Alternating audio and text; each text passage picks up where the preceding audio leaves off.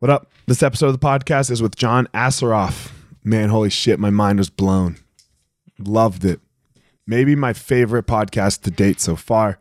Um, not saying that any other the other ones I didn't enjoy, but this one just you know, it was where uh, John is probably where I want to be in 20 years. So what uh what an what a great experience for me. I don't I don't know what else to say. John studies the brain and why it is we do what we do um, how it is we can do things more skillfully, um, how we talk to ourselves. It, it, was it was a great podcast. I hope you all enjoy it as much as I enjoy it. If so, let me know. Um, hit me up. Uh, I would love to hear how you, especially this podcast, feel about this podcast when it's all over. Um, without further ado, here we go, John Assaraf.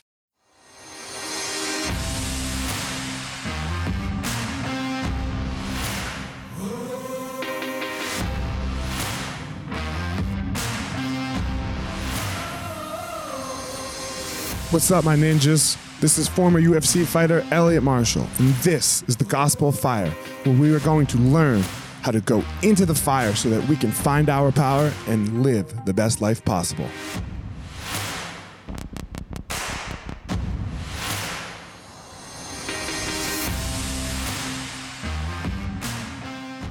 What's up, guys? Elliot here. Um, before we get started, I have started a Patreon account. Patreon is a place where you can go to help support the podcast. Uh, I would greatly appreciate it if you are finding it useful. I have one tier right now um, for the first 50 people.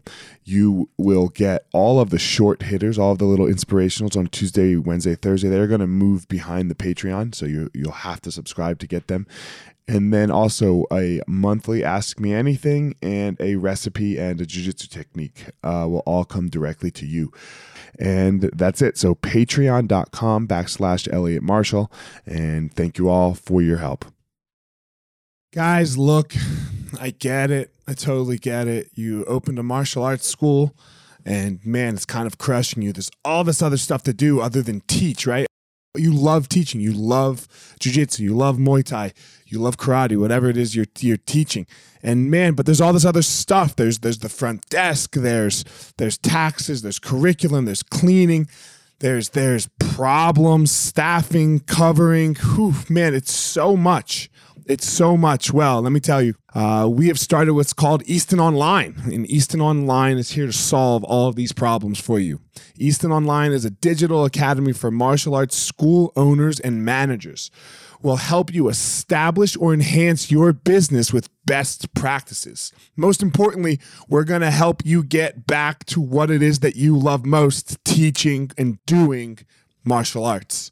Okay, so for more information, guys, go to easton.online. Again, that's easton.online add your email. You're going to get notified about the course launches. Our first course is going to be all about the first impression specialists, your front desk and all kinds of stuff, special offers, promotions, as well as we started a podcast by the same name, Easton Online, that's going to talk about our process of how how we went from a tiny little martial arts school to what is now seven martial arts schools, seven Brazilian Jiu Jitsu Muay Thai schools, um, in a very holistic way that we believe um, kept the integrity of the art and also deals with its people very well. So again, easton.online, enter your email and you're going to get all you're going to get everything you need right there. So, thanks guys.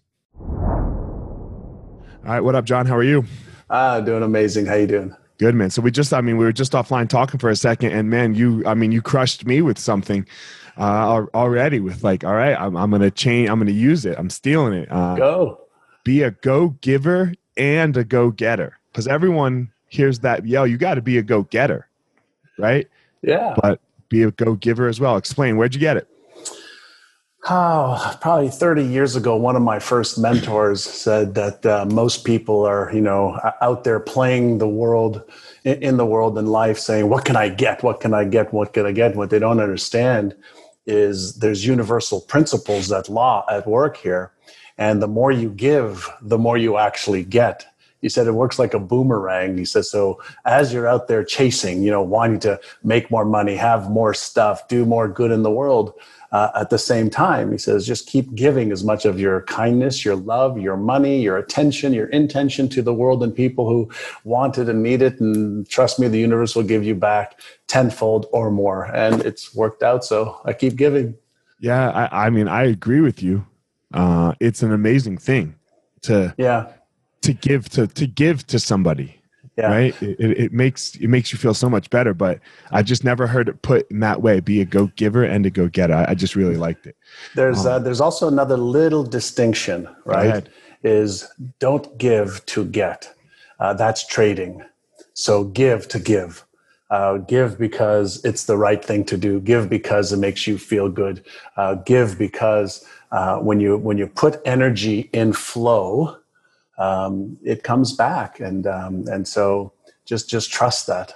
I'm I'm going to stay on this topic for a second before let's we do it. Let's do more. it. Sure. Um, I think some people get really hung up on they give, and in some particular instances, it doesn't work out. Like it almost bites them in the ass.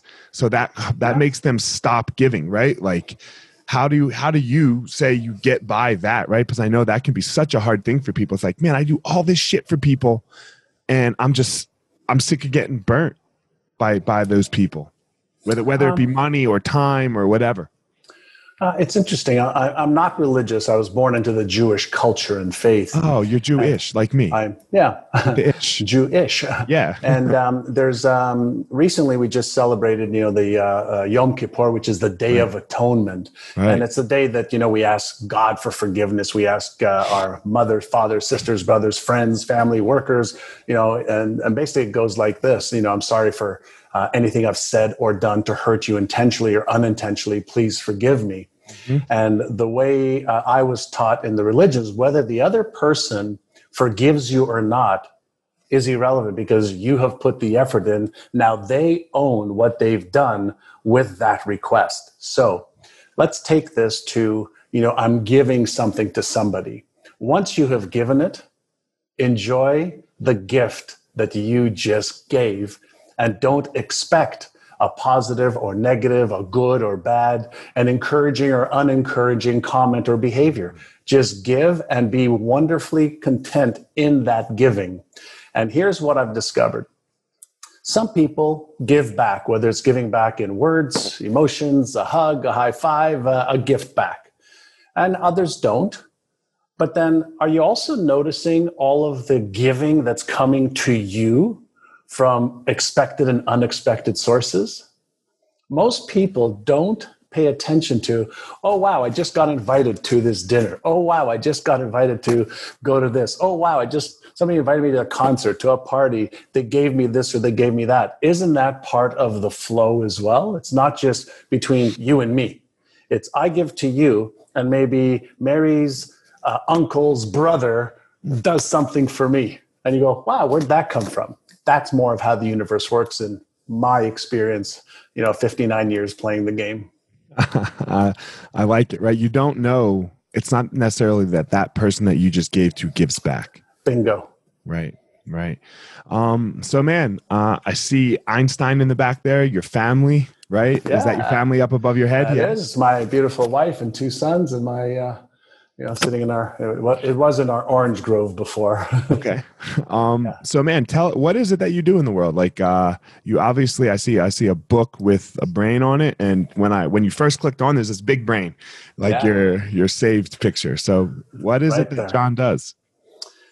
So uh, for the last uh, you know 40 uh, years of my life, uh, I've been an entrepreneur. Uh, and the way I have achieve some success is by really focusing on my inner game. You know, what's going on between my ears.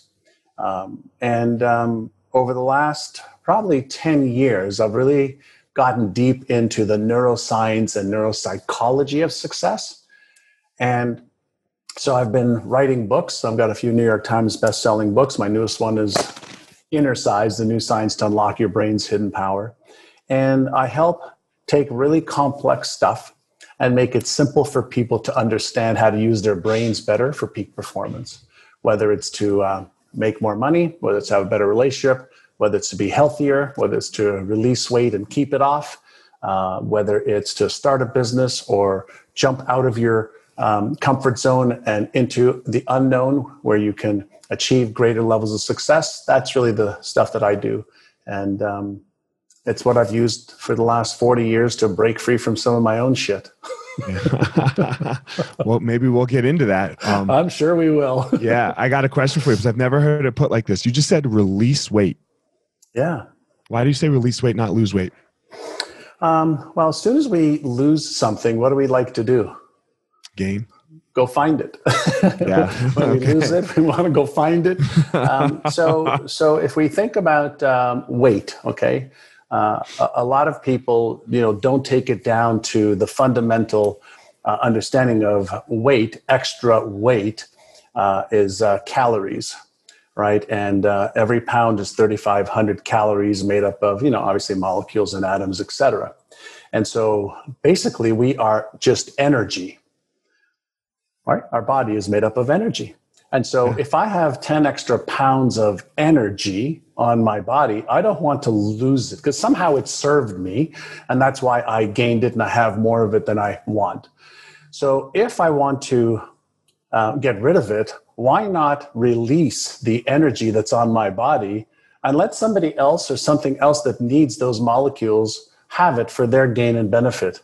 So, I like to use words that activate somebody's understanding of what they're actually doing. So when we uh, work on our diet and we're consuming maybe fewer calories or better calories, then the energy that we're putting in is better. Or we have a decrease in the amount of energy. And if we exercise, for example, and we are using energy, we're actually releasing its potential. And so the key is to release it and keep it off.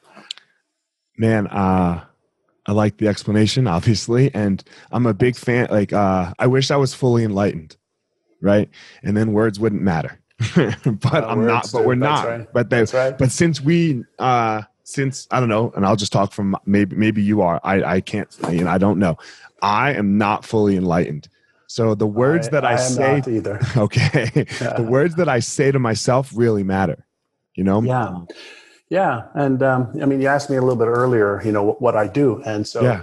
every word that we use actually activates an electrical signal in our brain and a neurochemical that matches that word. Okay. So if I say, I'm stupid. And even as I say that, there's a, another voice in my head said, cancel, because I hmm. know I'm pretending, because I don't even want to reinforce that pattern. If I say I'm stupid, I just actually fired the electrical signal of I'm stupid. I actually release the neurochemical of I'm stupid. And if then I feel it, I reinforce a neural pattern that's disempowering, negative, and destructive, which I don't want to do. So I pay close attention to how I speak to somebody who's really important, and that's me, because I'm listening, I'm paying attention, and I want to reinforce positive, encouraging, constructive, empowering patterns, not disempowering ones. I just read this book called uh, "It Takes What It Takes" um, by this guy named Trevor Moawad, and he, you know, he goes around. He, he, you know, he's a he's a you know a coach of like high performance, and when he goes and talks to like college football teams or something, mostly young twenty year olds right now, he goes, "Raise your hand if you talk to yourself," and he's like, almost no one raises their hand. And I was like, and he goes, You guys are all liars. You talked to yourself on the way in here. You said to yourself, I got to listen to this dumb motherfucker talk to me for the next hour because coach says I have to. He's like, Everyone talks to themselves. So, like, and I'm saying, using the story because you just said it. That's right. Nobody listens to you more than you. That's right. We have, um, on average, 50,000 thoughts a day. And 95% of those thoughts are repetitive thoughts that are percolating up from our subconscious mind and the patterns in our memory. And so the question is, you know, are you using self-deprecating talk?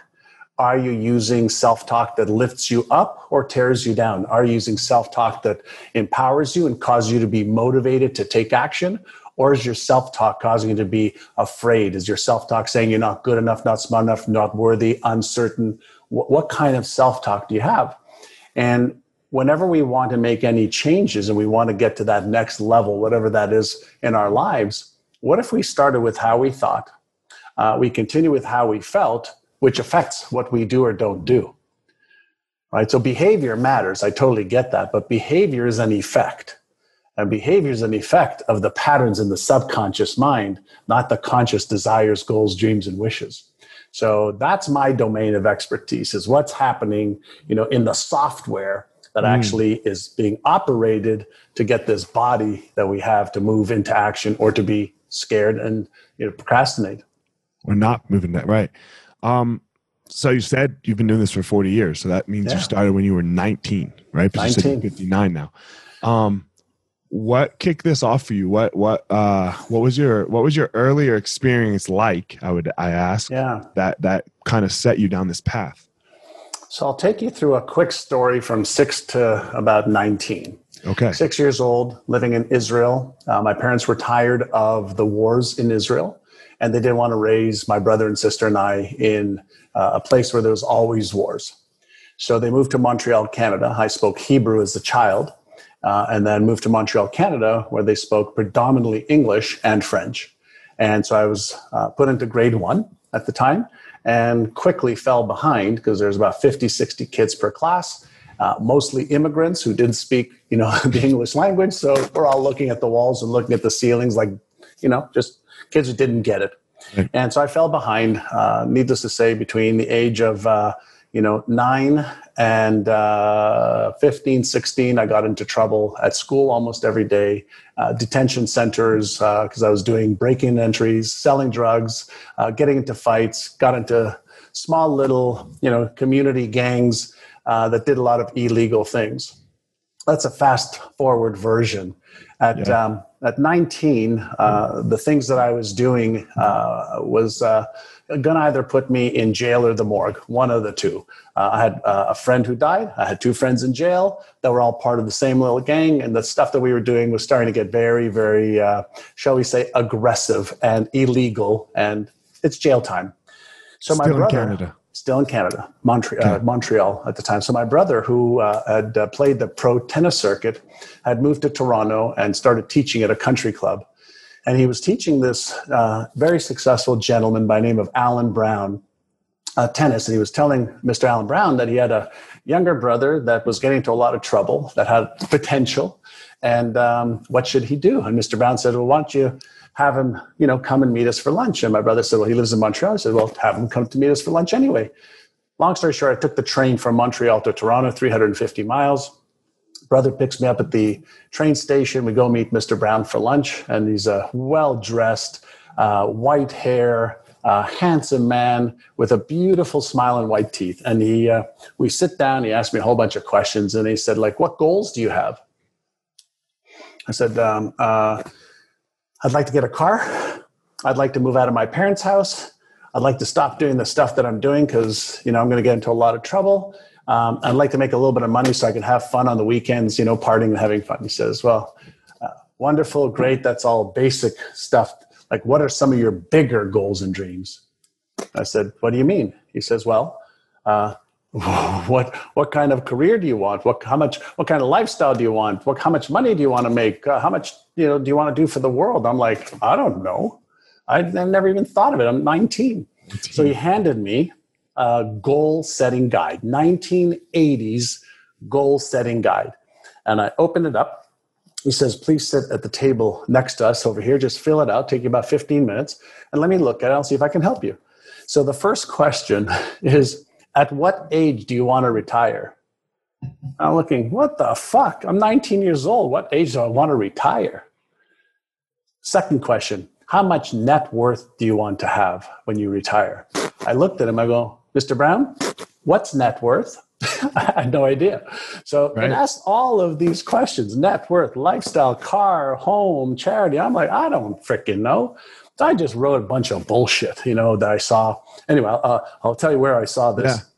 I gave him the document. He looks at it. He goes, okay, uh, you want to retire at age 45. You want to have $3 million net worth. You want to travel the world. You want a Mercedes. You want a house. You want to retire your parents. He said, these are some really good goals. Um, where did you get these ideas? I said, well, I love watching this TV show called Lifestyles of the Rich and Famous. And he goes, I know that show. He says, I'm going to ask you. For my generation, question. that's MTV Cribs. MTV Cribs, you got it. That's right. Uh, so he says, I'm going to ask you one question, and the answer to that question will determine whether you achieve every one of these goals that you have on this piece of paper or these pieces of paper. And the back of my mind, I'm thinking, one question is going to answer whether I have these goals. Yeah, sure. And I did like I did that, right? Okay. he says to me, he says to me, are you interested in achieving these things or are you committed? And so I said, I said, Mr. Brown, what's the difference?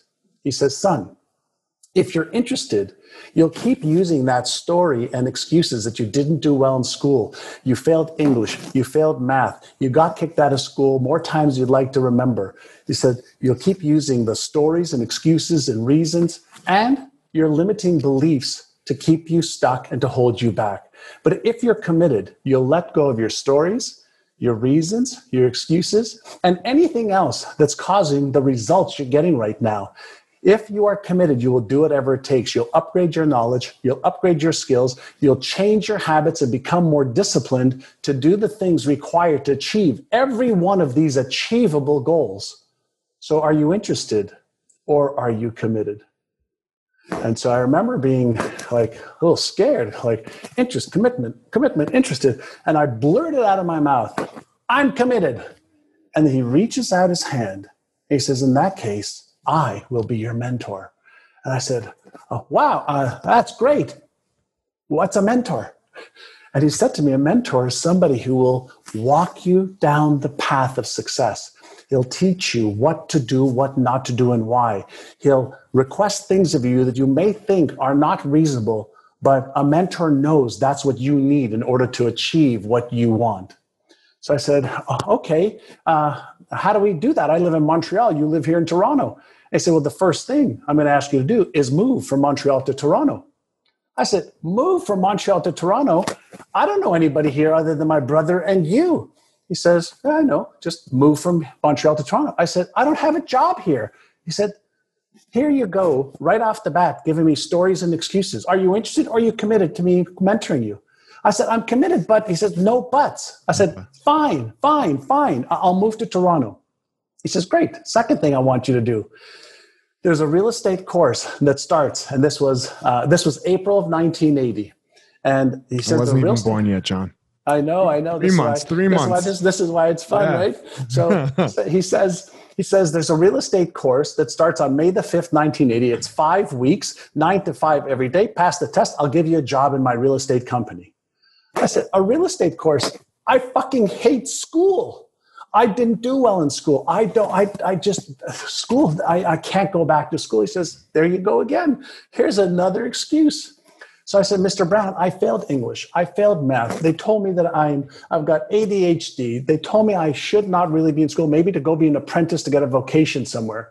And he said, but if you want to come work for me, where I can coach you and guide you, I need you to have a real estate license. I said, fine, I'll, I'll, I'll do my best and I'll move here and I'll go get the real estate course and we'll see how we'll do. He says, no, we won't see how we'll do. You will study and you will pass the test. And that's the vision and the goal. Is that clear? I said, sure. He says, by the way, you need $500 to pay for the course. I go, oh, come on.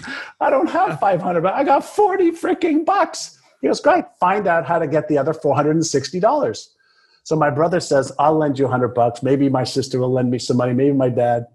Long story short, I moved to I moved to Toronto one week later. I got into the course on May the 5th, 1980. I passed the test on June 20th, 1980. And the reason I know these dates so well I had cheated to get out of high school. I had cheated on every fucking test in high school that I could get my hands on either the answers or by sitting next to somebody who give me the answers. And this was the first test that I had passed on my own because I actually studied for five weeks. And it was the first time I was proud of being me. Man, that where do you go from there? That I mean, that is such a that is such a story like and just starting off with the interested or committed because i feel like so many people are interested yeah. right they say they're interested Yeah. Well, they say they want this thing. I, I, want to win. I want. I want the goal. I want the car. I want the house. I want the lifestyle. I want. I want. I want. I want. I want it. Yeah, yeah, yeah. You know, I'll do whatever it takes. Uh, but you won't do whatever it takes. And so that was the beginning for me of stepping up, like really stepping up. He gave me um, uh, a safe platform to be honest, radically honest with me. Um, and then he gave me a platform to look at my stories, my reasons, my excuses, uh, and all the shit that I was, you know, accumulating in my mind and reinforcing in my mind. And um, and then he started to teach me. Uh, you remember that goal setting document mm-hmm, mm-hmm. that uh, he had me create? Well, he had me refine it over the next two or three months. And every day every day when I came into the office, I had this laminated document that was handwritten. And every day he made me read it. I put my fingers across it left hand, right hand, left hand, right hand, left hand, right hand. He had me close my eyes and see myself earning the money that I wanted to, see myself achieving the goals that I had. He had me reading affirmations. He had me feeling these affirmations as if it was real. And I remember something that I realized many, many years later. You know how a Hollywood actor or actress gets a script that they don't ever know what it is. The, the agent says, Hey, um, there's a script. I think you might like it. Let me send it to you, read it. And they read it and they go, Yeah, I like the script. They don't know the script. They don't know the storyline. They don't know anything about the script. And then they take a script that's on a piece of paper and they repeat it, rehearse it, practice it uh, uh, in front of a camera, off a camera. They research it for X number of months. They become the role. Well, yeah, he had me. Yeah, no, he had yeah. me become the role through repetition, through emotionalization, through upgrading my knowledge and my skills on my vocation and my craft. And I didn't know that then, but you know, the reason I got into studying the brain is I wanted to know what happened to me. I wanted to know how did I go from having low self-esteem at that time uh, to having limiting beliefs that uh, didn't serve me, to having fears of what I would achieve, do, or become in the world, to somebody who had some confidence later on in life and achieved a few a few bits of success in you know in the in the last you know 20 30 years I want to know what happened to my brain. And so for the last 40 years, that's what I've been studying and doing. God, this is such one of my biggest questions. It's why do we do what we do and why does it happen? It's like, uh, what make, you know, when, for just from like in my life, you know, like, because that's all you can, like, and the same thing with you, right? You're like, why did I do this in this moment? You know, why why did in was it luck? Was it this? Was it that? Like, uh, this is such a huge question for me. What yeah. what were what were some of the things you found? Well, um, if we go back to you know when we're born, mm-hmm. um, are we born with any beliefs? No. Are we born with a self image? No. no. Are we born with any habits? No. Are we born with any perspectives? No. Are we born with anything other than some, you know, autonomic functions of our brain for heartbeat, digestion? We're not even born with eyesight. So if we go back to the fundamentals of what's actually happening in our brain, we are born with about 100 billion brain cells. Those brain cells create connections and circuits, the circuits that are repeated, the circuits that um, uh, are reinforced become dominant and become part of something known as the default mode network or otherwise known as my automatic self. So I then believe certain things, whether they're true or not, based on my parents, my teachers, uh, my experiences. I have habits that I developed where I didn't have habits before, so my brain could actually conserve energy uh, and do things automatically without thought. I have perspectives based on what's been reinforced and the meanings that I gave things. And so we're nothing more than these circuits that fire on or off positive, negative, uh, constructive, destructive, empowering, disempowering. And that is based on how the brain works. So if we want to become more, part of what we have to do is retrain our brains. And so we can retrain our brains to have uh, more empowering beliefs, more empowering habits, more empowering perspectives, um, to understand you know what fears hold us back. There's 50 different types of fears that are automatically triggered as a protection mechanism in our brain you know for survival and safety. And so we have to understand that we have you know a circuit that fires off reward neurochemicals and a circuit that fires off these fear hormones. And uh, one helps us put the foot on the gas and move forward and one helps us put our foot on the brake uh, to retreat into into potential safety so we have to learn how to use our brains better in order to achieve more because we are conditioned to achieve whatever we're achieving at the current moment. And it's irrelevant of what our goals and dreams are. It's our conditioning that drives our behavior, that drives our results. So, what I've discovered is number one, our brain is not hardwired. It's the most powerful organism, not organ, organism in the entire universe. It's a trillion dollar organism that you and I own with no user's manual. So I started putting some of the user's manual together, first for me, uh, then for my employees, uh, then for students of mine around the world. Go ahead. What do you do? Give me what, um, what are some so, so what, are some, what are some of the so let me give you an example. Manuals. Yeah, yeah so, me, so here's my exceptional life blueprint.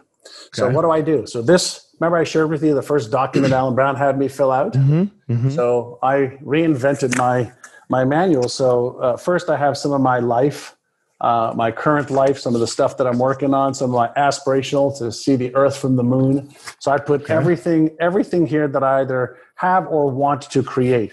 I have my, my core prayer in here, my inner mission, my outer mission, my health, wealth, relationships, career, uh, finance goals, my charitable goals, my prayers.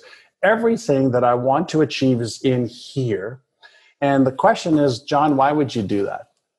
And the answer is the first thing that our brain needs in order to help us achieve our goals is clarity. So if we can get clarity into our brain, then that's the first part of activating the reward center of our brain. So as soon as we can see what it is that we want and we have an emotional attachment to it where we really want to achieve this for whatever the reasons are, we have um, uh, a part of our brain called the limbic system.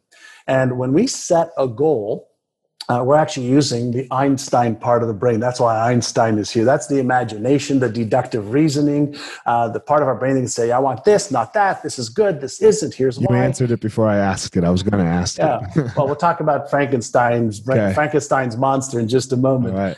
Um, and so when we give our brain, you know, what we want to achieve, why we want to achieve it, if we take a little bit of time to come up with how we're going to achieve it, when are we going to achieve it by, what tools, resources, or help that we need, now we're activating a few different parts of our brain from instinctual to emotional to logical. Can I ask now, you a question? Um, yeah like when you say what you want to achieve i mean did you like in that book do you narrow it down to like i want to make a million dollars like something like oh, that? oh yeah. Yeah. Everything's yeah, like everything. You know what do i want my life to be like in five years ten years 20 years? Okay. uh, then i bring it back down to one year uh, uh all the way t- through this month. Right here on my desk i have you know little NeuroGym my goals for the month. So I have all of my stuff written down, you know, that I look at every single day. I record the stuff in my Exceptional Life Blueprint that I listen to every single morning in a meditative state to reinforce neural patterns at the conscious level that then become automatic at the subconscious level. And once something is programmed and conditioned in the subconscious level, those neurons are firing automatically without me thinking about it. And so the first part is to get clear on what you want to trade your life for in each area of your life. And then make a commitment to it. I always ask myself. Did you just say trade your life for? Yeah, that's what you're Fuck doing. Yeah. Every, uh, everything every, has a cost. Every every day you're listen, uh, Bruce Lee said, if you value life, then you must value time because time is what life is made of right so like what else what else do we have i have time i wake up thank god like i wake up It's like, great, what am I going to trade this precious gift for today? So, am I going to be focusing my time and attention on what I don't want? Am I going to hang around with people that I don't really like and people that don't respect me and want to lift me up as we all climb together? Am I going to put myself in this environment where I'm unhappy or happy? So, every moment, every second, we have a choice. And so, I choose to be deliberate about what it is that I want to trade my life for, who I want to hang around with, what is it that I, you know, uh, want to create, do, give, be, have, and I've taken a lot of time to get really clear. And then every day I look to make a little bit of progress, a little bit of progress every day towards that. And um, some days are amazing, some days are challenging, but every day I know the destination that I'm moving towards. And uh, I know earlier you and I talked about, uh, you know, the, um, you know, going through the fire, the gospel, and I got plenty of those to share, you know, on the path. And um, so it's not just like, you know, you set the vision, you set the goals, and let's go, everything just works beautifully. Uh, that's not how the universe uh, teaches us. Yeah, so I mean that was going to be my next question here like what happens when it what happens when when it goes bad? What happens when coronavirus comes? What happened, you know, or, or like your own version, like coronavirus fucked the whole world, right? Like so what happened when your your maybe. version yeah, maybe, right? Yeah, I get it. Um, maybe it paused the world for a second, right? It made us stop for a second. Um, what happens? How do you I, I guess what I'm asking is like, so it sounds like you have become what's called anti-fragile, right? Where anti-fragile, whatever, yeah, yeah, whatever happens to you, you you use that. Well, well I'm some- going to show you. I'm going to show you something, and you just nailed something. This is my guiding principles for an amazing or exceptional life. Okay, so this is the principles how I live my life. So one of the things that you said, and I can read all five quickly if you want. Yeah, so, go. number one is I'm responsible for all my actions. I always find a way to succeed no matter what happens. Number two, I am committed to doing whatever it takes to achieve my to achieve the vision goals I have for my life. Three, the meaning I give anything determines how I feel. I always choose to give things a meaning that empowers me. Number four, everything that happens to me is happening for my spiritual growth. I practice and apply radical honesty, honesty by looking within myself first for answers. So that's part one of the equation. The other part is your philosophy for what do you think life is all about? The intelligence that created you, that created me, created everybody that's listening, every plant, every animal, every ocean, every moon, every star. Like the intel, I don't care what you call it. You want to call it God? Fine. You want to call it something else? Fine. You know, whatever that intelligence is that allows you know the earth to be spinning at a thousand miles per hour uh, around the sun every year um, hurling through uh, you know the universe the milky way galaxy at a million and a half miles per hour uh, while the you know the um, the planets orbit the sun in in these elliptical orbits in perfect order and harmony. Whatever you want to call that i'm a part of that intelligence. So if it's doing all of that then every second and every moment must be perfect. It may not be to my taste. It may not be to my uh, understanding. It may not be what i like but i don't confuse that with the perfection of it. So, when anything happens, I can say it's good, it's bad based on my belief system, or I could be in a state of observation and go, hmm, what's the universe planning here? What, what, what is going on at a higher scale of understanding? I seek to understand that more than anything. And so I trust um, I trust this universal intelligence implicitly, even though I don't know a lot about it. I put my trust there. And then I do what I can to give things a meaning that will empower me and to be in a state of observation, awareness, and choice. I mean, this might be one of my favorite podcasts ever. Um, this is really I guess we see the world so similarly. I think you're just a little ahead of me. You know, like you have you have some more experience with it, which is amazing. Um, a little bit more research and study and practice. Yeah, tell me about Frankenstein.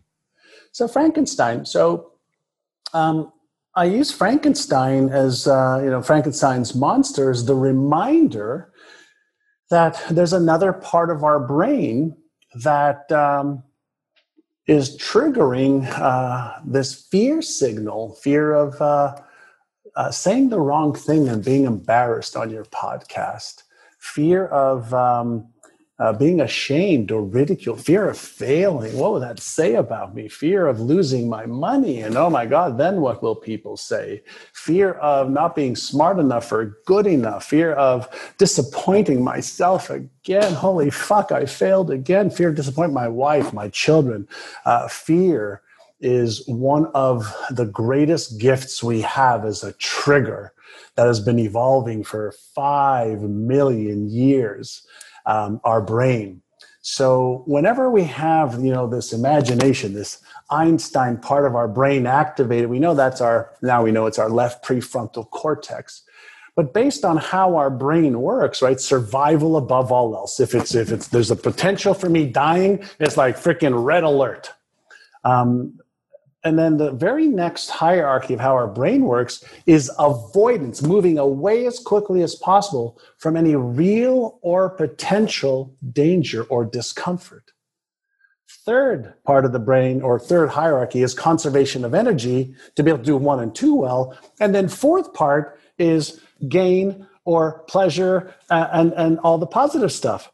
So before my brain gives me the signal to go, the signal is alert first.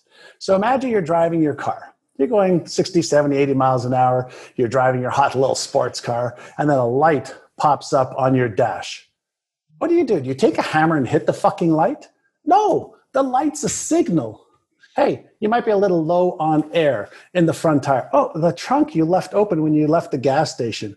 Oh, it's a freaking signal. You don't go ballistic because the signal fired.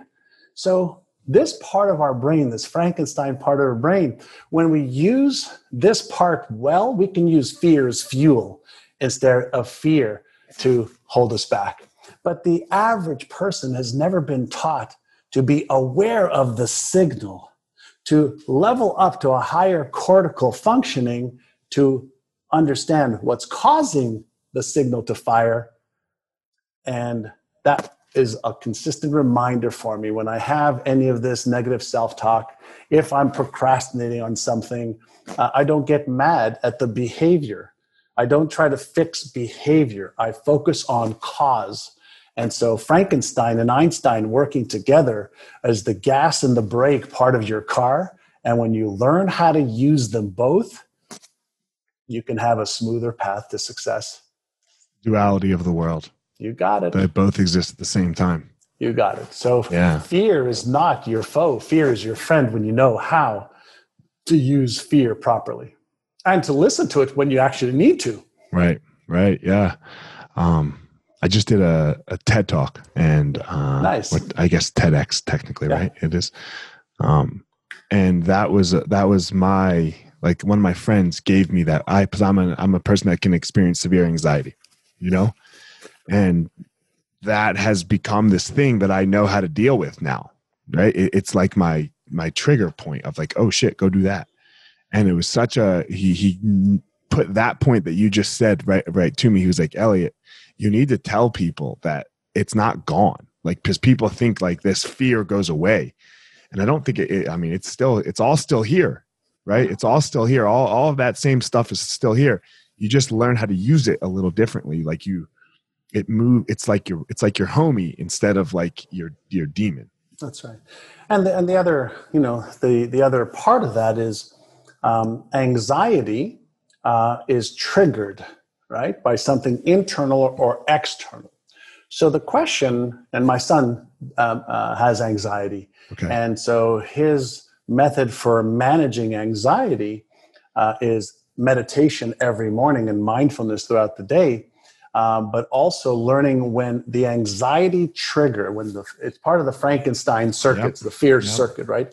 So when the anxiety is triggered, uh, most people, you know, think about what they feel and feel what they think about, so they keep reinforcing this doom loop, I call it, and it actually increases the size of the amygdala, the emotional response center in the brain.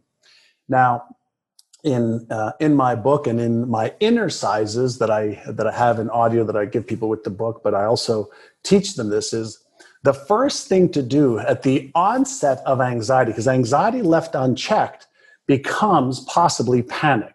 Right, left unchecked, yep. you know, you perpetuate it can become panic. That's like the end state of total out of control. So that loop, if you just stopped, okay, here's you know some some some techniques for anybody to use. And you know this you know in your vocation right is if you just go to the breath first. We have the sympathetic and the parasympathetic nervous system. So when anxiety is being felt right the feeling of anxiety means that the neuroelectrical signal the electrical signal has already triggered those chemicals into your bloodstream. That's what you call as a feeling called anxiety if you just stopped right there and took six deep breaths as slowly as you could in through your nose, and then breathe out through your mouth as slowly as you could, like you're breathing out through a straw.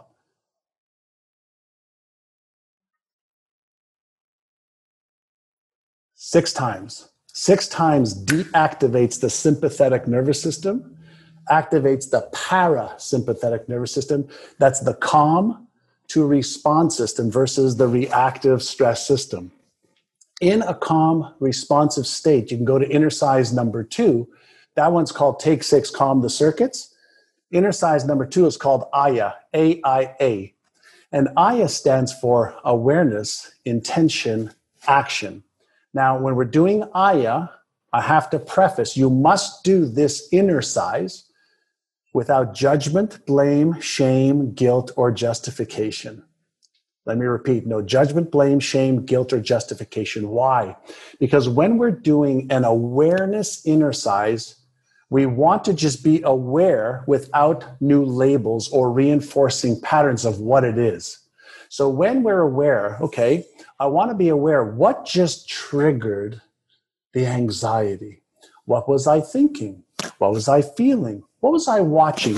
Where am I? What triggered it? Just pure awareness.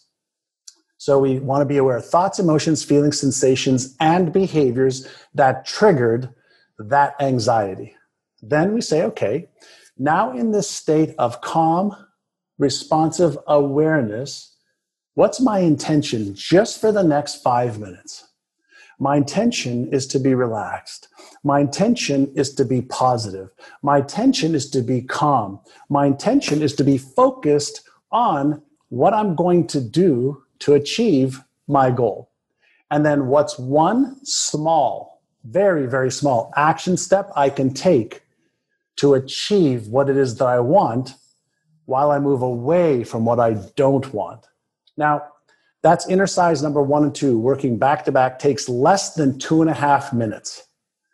Now, what if every hour at 55 minutes past the hour, I had a little, you know, a little alarm on my mobile phone that I could just say, okay, um, at every, you know, at every interim time, I just did Innercise one and Innercise two, where I deliberately practiced getting out of my stress, fear, anxiety, panic, uncertainty, doubtful brain circuit. And I deliberately moved to my calm and response circuit where I could reactivate Einstein. What if I did that every hour? Would I then be training my neural muscles of calmness and responsiveness and awareness? Would that then start to work automatically for me so I would be able to be in a state of awareness most of the day? And if you can exercise to strengthen your muscles and your organs. Can you exercise to strengthen your core neural muscles of focus, awareness, calmness? The answer is yes. This is my playhouse. Yeah, man. Um, holy cow, that was. I'm going to use it tomorrow. I'm going to hang up the when we get off. I got calls to make. Because I, I, work with fighters, you know, and I know and this can be uh this can be a thing right? This can be this is this was a thing for 35 years of my life. You got it. You know, of yeah. So you know, and still to today. answer your to answer your question of so what do you do? That's what you do. This is what I do. This is Yeah. this is my I want to be able to take this most complex tool organism we have and make uh, it readily available to the to the human that owns it. And that way I make their lives a little bit better, a little bit easier, a little bit more fun and joyful. One last question before we get out, and um, so you it's you know you're seeing it more often, but it seems like you really have it nailed down from what I can, you know, either you're a great salesman or or not. Uh, I don't know. It does, you know, but this idea of like the book that you read and your goals and your setting and what you want, but you know, that seems, uh, you know, almost in a very. And let me finish before, uh, if I could, before we start uh, going through it, like a material way, right? Like this.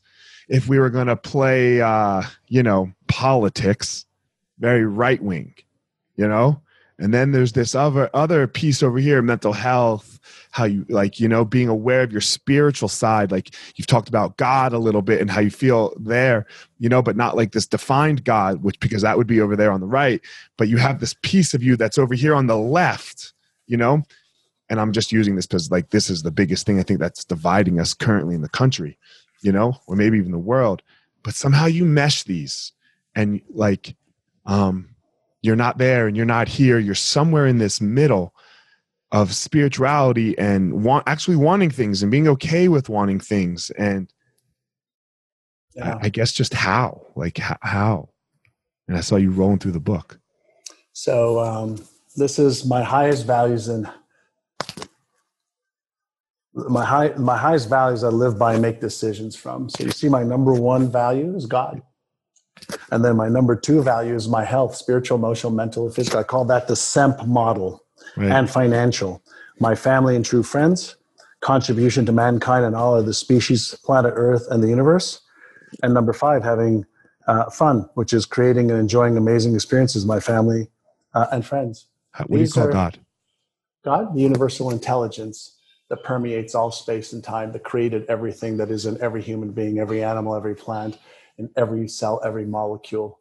do you I define don't, I mean, I, I, I, I don't confuse religion, which is man made, from God. I mean, uh, God to me is the omnipotent, omnipresent, everything in everyone at every moment. Um, religion, whether it's Hinduism, Buddhism, Judaism, Christianity, Catholicism, whatever it is, man made, okay, which that doesn't serve me. I love all culture, all humans, but there is something for me that's way beyond religion. And that's the place that I play from. yeah you're the man bro You too, my friend. Thank you. Great questions. I Yeah, love yeah. your curiosity and you're giving me a chance to express a, lo- a lot of myself here.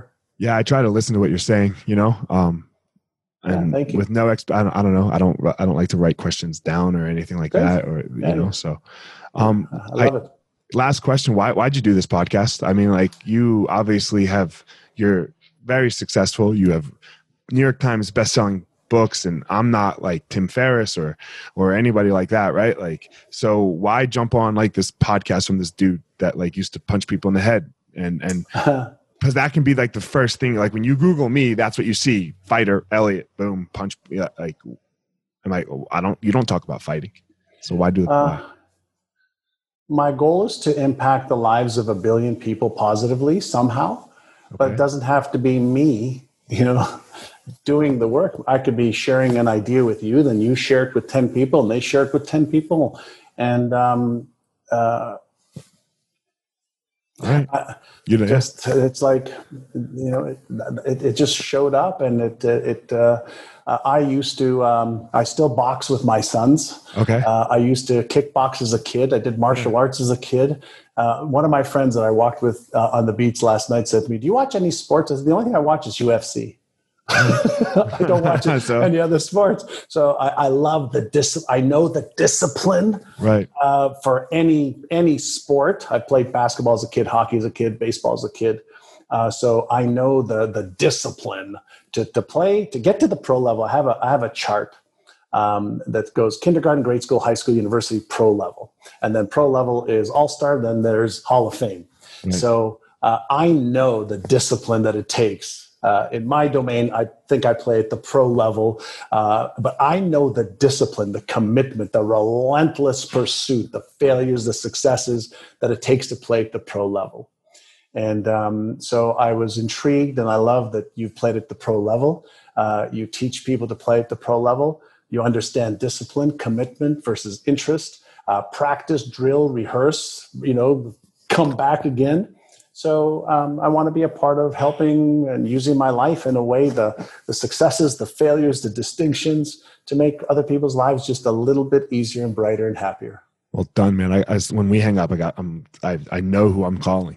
You know, uh, I, I know who I'm calling. Like there's there's these you know, so um, that was for look i love my audience like you know and, and, i and i and i but I, I don't do this for my audience. Like i do this for the connection that i get to have and then hopefully go take that some you know like uh nice. and that was that was i hate saying i don't do it for the audience right? But um that's a, such a hard thing to like work through. Like i think i have to love to do it. And if i don't love to do it then it can't serve anyone else yeah. you know? And and then your heart comes through yeah. in your, in your listening and in the questions that you ask. So thank you yeah. So, um, man, tell everyone where they can reach you, John, if they, wherever they can, where people can find you and your books, all that stuff. Uh, sure. Um, if they're on social media, I'm on Instagram at, at John Assaraf. Uh, mm-hmm. I'm obviously on Facebook, Twitter. Uh, I have a YouTube channel. Uh, my, my books are on Amazon. Uh, my book, Innercise, The New Science to Unlock Your Brain's Hidden Powers, my newest best-selling book. My other book is The Answer for Business Owners, and my other New York Times bestseller is Having It All. Um, and so I just I put out a lot of free content, a lot of paid stuff, and so people can find yeah. me. All right, All guys. Right, as always, don't try to be John. John has his unique power, and don't try to be me. I have my unique power. You go out there and you find your own power. All right, everyone, thanks for listening to this episode of The Gospel of Fire. If you enjoyed the episode, I'd love a review on iTunes or wherever you are listening to this podcast. Don't forget to follow me on social media at FireMarshal205.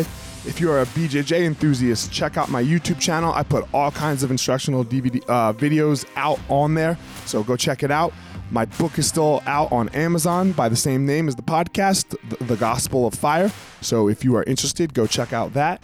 And most importantly, guys, go out there every day, find your power. Thanks a lot.